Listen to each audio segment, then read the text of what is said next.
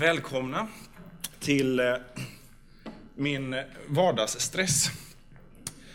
Så här kan det se ut eh, när jag lämnar hemmet ganska ofta. Karl Skarin heter jag och jobbar som präst här. Och ganska många gånger när jag ska eh, hit till jobbet, jag jobbar här i kyrkan, så kan jag vara lite stressad. Då är det ut genom dörren, låsa och numera kan jag nästan, är jag stressad så kan jag räkna med att jag behöver låsa upp dörren igen och gå in och hämta någonting som jag har glömt. Och inte alltid, men det händer också då att jag lägger ifrån mig någonting för att plocka upp det som jag hade glömt. Och så kan det gå så fram och tillbaka eh, några gånger innan man har kommit iväg. Och det gör ju inte att jag kommer iväg snabbare. Så eh, det där hetsandet fram och tillbaka eh, löste ju inte heller eh, den stressade situationen utan byggde snarare på. Idag har vi temat eh, julstress, vardagsstress. När ska vi leva då? Eh, och jag hittade en finurlig liten, eh, liten bild som jag tänkte vi skulle kika på. Eh, på Jag vill ha en lugn och avslappnad jul. Det kan vi väl skriva under på allihop. Utan krav och utan måste. Bara lite hemgjord knäck, sillsallad på mormors vis, klappar, gran, hemstöpta ljus. Och hela familjen samlad. Och så lutfisk förstås, gröt med rim. Och jag såg ett spännande recept på saffranspannacotta. Det kanske man skulle prova om man ändå håller på. Vi närmar oss julen, fridens högtid. Högtiden då änglarna som möter hedarna får eh, ropa ut ära åt Gud i höjden och frid på jorden bland människor som han har utvalt. Det är en, eh, en lugn och fridfull högtid och samtidigt så har det blivit den högtiden på året som kanske är mest förknippad med stress eh, och hets. Hur blev det så? Eh, och det är inte så att vi kanske kring julen för en gångs skull passar på att stressa och att det blir liksom möjligheten att stressa. Utan det är ändå så att vi har eh, stressen med oss året runt också. Så varför ska vi skaffa oss också en stressens högtid? För att riktigt maximera det här kan man fråga sig. Vad, och om vi har stressen med oss alltid och om den dessutom stegrar, då kan man verkligen ställa sig frågan, när, när är det tänkt att vi ska leva då? Mellan de här högtiderna och veckorna och perioderna. För julen har någonting annat att säga oss. Det är en fridfull högtid. Och samtidigt så är det så när vi möter berättelserna inför julen och kring julen i Bibeln så är det berättelser som ger oss en vardag och eh, speciella tillfällen som nog inte heller var så befriade från stress. Jag tänker på när ängeln kommer och besöker Maria och berättar att hon ska eh, föda Jesus, världens frälsare, den som ska rädda världen. En stressfaktor kanske. Det är ett uppdrag som heter duga. Dessutom så är hon ju inte gift än. Snacka om eh, en stressig vardag som börjar där och då. Hennes man Josef han blir ruggigt stressad över det här. Eh, min trolovade har blivit gravid, eh, säger hon, men inte med en annan man, utan det är Gud som gett henne ett barn. Hur löser vi det här? Så stressad så att han behöver ett eget änglabesök som tar ner honom på jorden och leder honom i detta. Och sen när det väl eh, tiden är inne, de tar sig till Betlehem, för det är skattskrivning på gång. Eh, och det är förutsagt att Jesus ska födas där. Eh, då finns det ingen plats någonstans. Verkarbetet är i princip igång och det som finns är ett stall. Det om något måste vara ganska stressande. Och mitt i det här så är det Gud kommer och blir människa. Mitt i detta så är det han möter oss. Vi, vi har livet, det har vi fått och det har vi att förhålla oss till. Eh, och med det så kommer eh, vardagen, med det så kommer eh, Eh, högtiderna och eh, helgerna och förväntningarna som vi själva skapar och förväntningarna som, eh, som andra lägger på oss. För Josef och Maria så var det kanske till ganska stor del yttre omständigheter som, som skapar stress hos dem. Och samtidigt så visste de att Gud är garanten för, för det här och de kunde lita på att det här är givet av Gud. Det är inte alltid våra yttre omständigheter kanske upplevs givna av Gud och inte heller är givna av Gud. Och då kan man fråga sig, vad finns, vad finns vilan i det? Hur lever vi i det?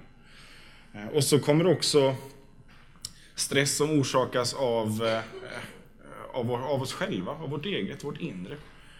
Eh, där vi rusar iväg i våra tankar eller vi lever på ett sätt som skapar, skapar stress i, i våra liv. Så vad, vad gör vi då?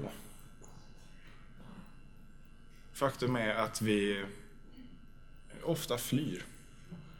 Försöker fly. Är det någonting som är, är farligt för oss så, eh, så vill vi fly från det. Och grejen är att stress, känslan av stress, är just det. Flykt. Eh, behovet, en känsla av att jag behöver fly. Det är alltså kroppens flykt Eh, Eh, mekanismer som sätts igång när stressen eh, kommer på. Eh, pulsen ökar och, och för tunnelseende och, och sådär. Det är, det är flykt. Vi bereder oss för flykt. Och då är frågan, ska vi leva på ständig flykt? Är det, är det den lotten vi har?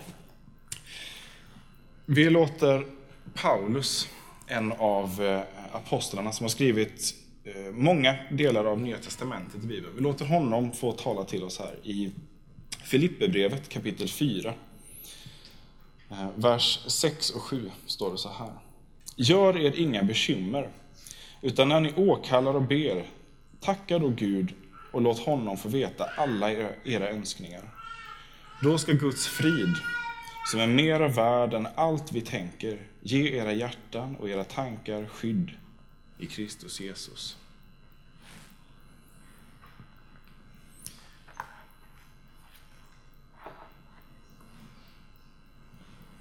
Ibland så kritiseras kristen tro för att vara en tillflykt. Eller bara en tillflykt. Eh, en verklighetsflykt är någonting man, eh, man flyr undan till. En Gud som en kosmisk nallebjörn en tröst. Och jag skulle säga amen på det. Kristen tro är en tillflykt. Eh, och det är en bra tillflykt, för vi flyr. Det, det ligger i oss, precis som stressen är ett tecken på. Vi, vi människor vi har en flyktinstinkt eh, inbyggd i oss.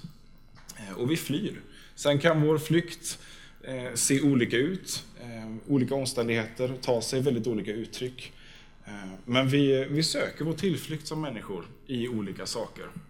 Eh, om det är i, eh, med andra människor eller aktiviteter eller andra saker. Vi söker tillflykt någonstans där vi kan få friden. Så kristen tro är en tillflykt, men inte bara en tillflykt utan det är, det är tillflykten som vi är skapade för, kallade till. Vi är skapade av Gud för gemenskap med honom och flyr vi till honom så är det till det som vi är menade att vara. Flyr vi till Jesus så spelar det inte så stor roll vad vi flyr ifrån. Hur, eh, hur, det, tar sig, hur det tar sig uttryck eller vad det har för rot eller orsak. Flyr vi till Jesus så kommer vi dit vi ska. Flyr vi till honom så möter vi eh, honom som, eh, som skapar oss, som formar oss och som, eh, som är den ende som kan ge oss den frid som vi behöver. Augustinus, en stor kyrkofader, han sa det, mitt hjärta var oroligt tills dess det fann ro hos Gud. Våra hjärtan behöver ro och behöver frid.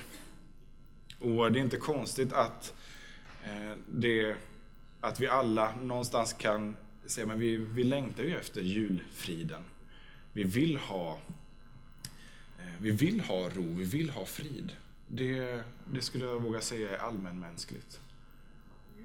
Och samtidigt är det så svårt för oss att, att få tag på den här friden och eh, att leva i den.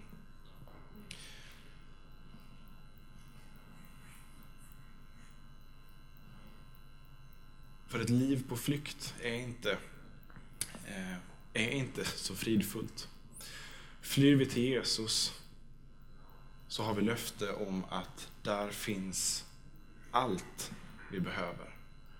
Där får också flykten stanna. Det är en, det är en tillflykt, en plats att, att vara på.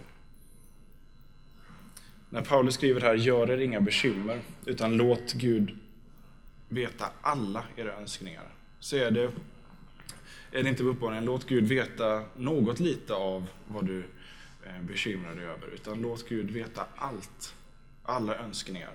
Och så här i juletid så kanske man tänker önskningar som, det här vill jag ha, det här vill jag ha. Eh, men tänk önskningar som eh, från djupet av mitt hjärta, vad är det jag längtar efter?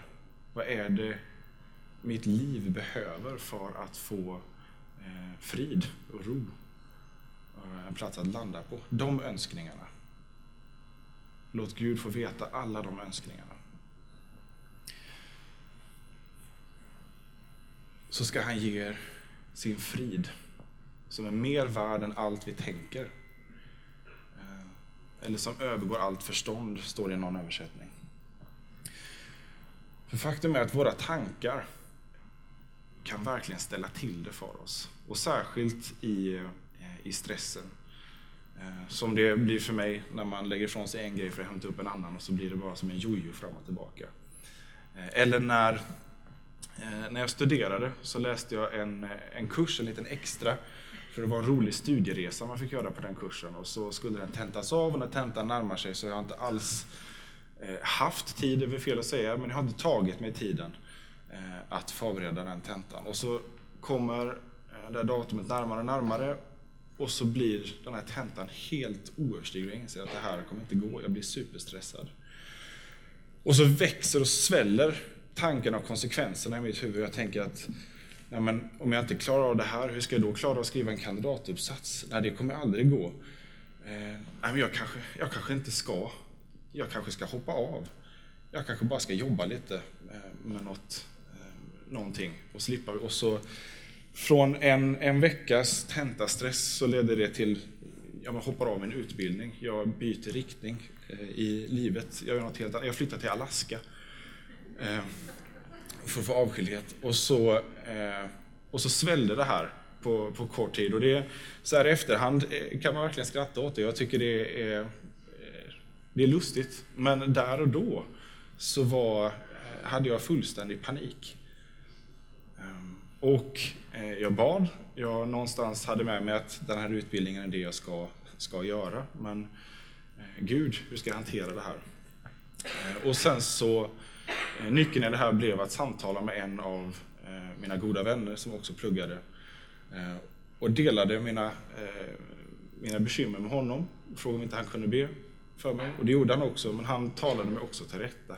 Stack hål på väldigt mycket av de här tankebyggnaderna och lögnerna eh, som, som jag i min stress bara hade eh, låtit svälla upp. Våra tankar, framför allt i stressen, ställer till det något otroligt för oss. Och därför är det av allra största vikt att vi får kasta våra bekymmer på Gud.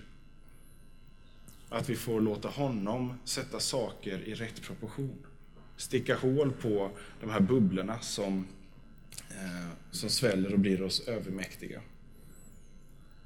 Eh, och att vi delar det eh, med varandra. För tanken är inte att vi ska leva vårt liv helt på egen hand. Tanken är inte att vi ska leva ut en kristen tro på egen hand, utan det är någonting som Gud kallar oss att göra tillsammans. Vår, eh, vår västvärldskultur vill få oss att tro att ensam är stark. Eh, att man måste kämpa med näbbar och klor för att hålla sig på sin karriärbana. Eh, om inte jag trampar eh, på andra tillräckligt hårt så kommer jag bli trampad på istället i andras, kar andras karriärsjakt. Men det är alla de här perspektiven som Gud vänder upp och ner när han blir människa och föds i ett stall. Att det den här världen kallar framgång, det den här världen kallar nödvändigt för att ditt liv ska vara lyckat, det är inte Guds perspektiv. Han vänder det. Och går rakt ner i smutsen i ett stall och blir människa. Med alla de eh, förutsättningar som det innebär. Guds frid är mycket större än våra tankar. Mer värd än våra tankar. Och är det enda som kan, kan få oss att, eh, att hitta rätt. Låter vi inte Gud vara Gud så eh, det blir det oundvikligt så att vi hittar substitut för Gud. Eh, och när det kommer till eh, en stressig vardag eh, eller förväntningar som, som man känner inför en jude så, eh, så är det väldigt lätt att de substituten blir bara mer av allt. Eh, att vi ständigt ska förbättra. Eh, det ska köpas ännu finare julklappar. Vi ska ägna oss åt olika självuppfyllande aktiviteter och hinna boka in spahelger här och där för att ta hand om oss själva. Eh, och just i jultid kanske shoppingen inte är eh, någonting behagligt. Jag vet inte hur många som har planerat att åka till Mammons tempel i Väla eh, under veckan här för att rädda julklapparna. Eh, men annars under året kanske shoppingen är just det som blir tillflykten att komma undan. Och sådär. Tänker någon, eh, någon make här, ja precis det där känner jag igen. Shoppingen ja. Men faktum är att vi män, vi är inte så befriade från den här shoppingtillflykten heller. Men vi har smart nog kommit på att kalla det för någonting annat. Vi samlar på saker och så kan man nischa sig på ett spår. Hålla ögonen på en riktigt exklusiv legomodell av Apollo 13 till exempel. Eh, och sitter och spanar bra priser på nätet på en sån. Vi vill fylla våra liv eh, med saker som, som tränger bort stressen, tränger bort eh, känslan av, av tomhet och avsaknaden av frid. Eh, och i alla våra försök att komma undan det här så blir det istället att vi bygger upp ännu fler bekymmer. Eh, att vi skjuter på kanske också orsakerna till stressen. Vi skjuter ifrån oss för att det blir för jobbigt att, att reda i. Och där, mitt i det, mitt i det kaoset, eh, mitt i det överbelagda Betlehem, där det inte verkar finnas något rum kvar som kan få vara en bild för, för vårt liv. Där vill Gud möta oss och där vill han ta sin boning. Där vill han finnas och bli Gud. Inte någon annans Gud, utan din Gud. Den som får råda i ditt liv och också råda dig. Han har gett oss otroliga gåvor för det här. När Gud skapar världen så låter han en sjundedel av veckans dagar vara vilodag. Och det är faktiskt så att för, för mänsklighetens eh, del så börjar livet så. Eh, Gud skapar hela världen. På eh, den sjätte dagen skapar han människan. Och så får människan gå omkring där i lustgården och bekanta sig och säga ja, och så tar vi första dagen imorgon börjar vi med vila. Sen så kan vi komma igång med arbetet. För Gud är vilodagen någonting otroligt viktigt. Eh, någonting som är, skulle jag säga, bättre bevarat i judisk tradition än kristen tradition. Vi har förlorat någonting av vilodagen, av sabbaten. Sabbat kanske man mest kanske känner igen faktiskt då som en, en judisk företeelse, sabbatsdagen, eller kanske som ett sabbatsår, att man tar ett år off från det man annars brukar göra eh, för att ta tid för någonting annat. Men en vilodag, någonting som bryter av. Men vi har, det är som att vi har vardag hela veckan. Vi ska vara tillgängliga 24-7. Eh, butikerna ska ha öppet eh, helgerna också. Eh, gärna samma öppettider så man inte behöver fundera på om det är lördag eller tisdag när man ska handla. Vilodagen finns inte riktigt kvar i vårt samhälle. Och när jag rannsakar mig själv så, så ärligt så kan jag inte se den så tydligt avgränsad som, som jag hade velat. En vilodag som faktiskt bryter allting, alla måsten. För förväntningarna, känslorna, projekten som ännu inte är avslutade, de kommer att finnas där trots att vilodagen kommer emellan. En vilodag är inte någonting som kommer för att det andra är avslutat. Utan vi avslutar det andra, vardagen, eller pausar det för att vilodagen kommer. Den platsen har vilodagen i, i Guds tanke för oss. Ett sätt att sätta upp en gräns. Och gränser, och kanske är det därför vilodagen har blivit så undanskuffad också, för vi gillar inte gränser i, i vår kultur. Eh, vi gillar eh, frihet. Och det sätter vi i, i motsats till gränser. Men låt mig då få berätta om när jag var nio år och vi åkte till Danmark på semester. Så åkte vi till Lejonparken. Och där kan man få eh, köra omkring inne i djurparken bland lejonen. Och man skulle kunna tänka så här, total frihet hade ju varit att kliva ur bilen och det här stålskalet som begränsar mig till några kvadratmeter, ett säte. Men för att jag satt i en väldigt avgränsad litet fordon så kände jag full frihet att vara där inne bland lejonen. Hade jag klivit ur och rent faktiskt haft full frihet att röra mig i parken utan någonting som begränsar mig, utan föräldrar som håller i mig, eh, då hade min frihet ganska snart tagit slut. Eh, på grund av de där lejonen som går omkring er och ryter och är hungriga. Någonting som begränsar oss kan faktiskt vara det som ger oss frihet att röra oss. Vilodagen och eh, andra, eh, andra saker som, eh, som vi kan få använda för att sätta upp gränser i vårt liv är det som faktiskt ger frihet. Där vi behöver sätta en gräns mellan vardag och vilodag. Det räcker inte med vi har ett annat sätt att förhålla oss till det här i så Vi har lagstadgad semester, det är jättebra. Och vi var i princip först i världen med det om jag inte har förstått det fel. Och också legat långt i framkant. Men vi har offrat veckans vilodag lite eh, i det. Och då blir det som att man drar liksom ett djupt andetag och så och så ska det hålla i 48 veckor. Och sen kan man andas ut fyra veckor och sen tar vi ett nytt andetag. Det säger sig självt, det går inte.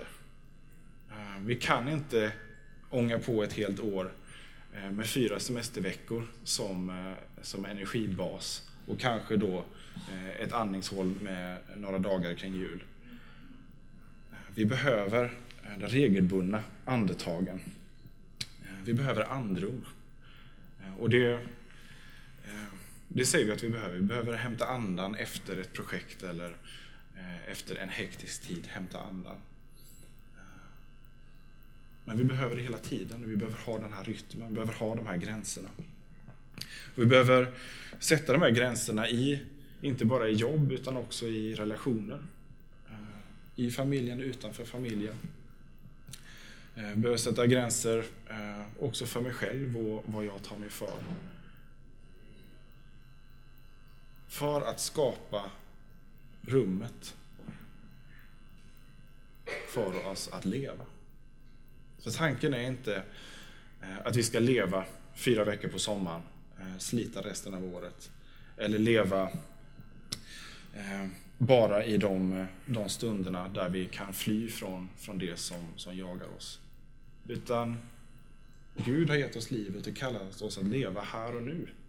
Med allt det här. Inte att eliminera stress, det kan vi inte. Men vi kan hantera den. Om vi låter Gud vara Gud. Låt honom få veta alla era önskningar. Han som har blåst livsanden i oss, låt honom få vara den som ger andrum och tillfälle att, att hämta andan. Låt oss få återta vilodagen och vilan. Det som Gud har gett oss från allra första början. Och låt oss försvara den med näbbar och klor.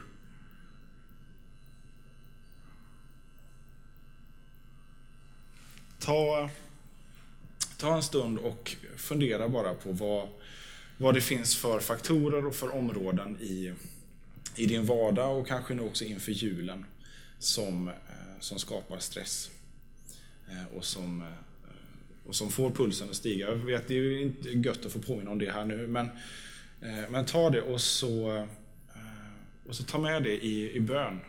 Lämna det till Gud. Och låt honom få veta det. Låt honom få veta vad du önskar. Vad du längtar efter och vad du behöver.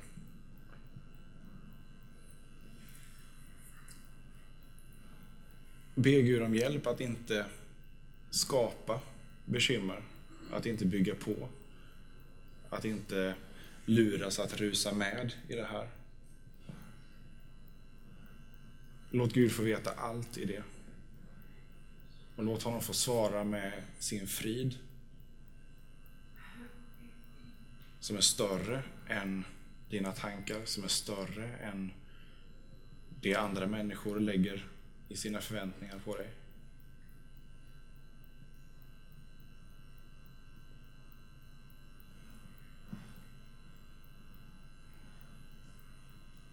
Och vet att Guds frid kommer att ge ditt hjärta skydd. Och när vi nu fortsätter gudstjänsten, när vi, eh, vi kommer sjunga lovsång och eh, tillfälle till bön, eh, tända ljus eller skriv din bön på en lapp bak i, i hörnet där vid bönekruset. Vi kommer att be för det. Fundera också på om det är någonting som har väckts här nu som eh, som är som den veckan för mig eh, när det blev mig överväldigt. Jag var tvungen att dela det med en annan person för att Gud skulle få möjlighet att sticka hål på det. Är det någonting du behöver dela med någon annan för att det blir dig övermäktigt, så, så gör det. Eh, stå inte ensam med det. Vi kallar det till det här livet tillsammans. Så ta tillfället också till personlig förbön och, eh, Eh, och be för det. Och eh, är det saker som biter sig fast så finns eh, jag och Magnus som präster här. Vi har också ett omsorgsteam som gärna hittar tider för samtal. Inte bara den här veckan utan också framöver. Så ta vara på det löftet från Gud. Låt honom få veta precis allt. Lämna ingenting åt slumpen och lämna ingenting åt dig själv.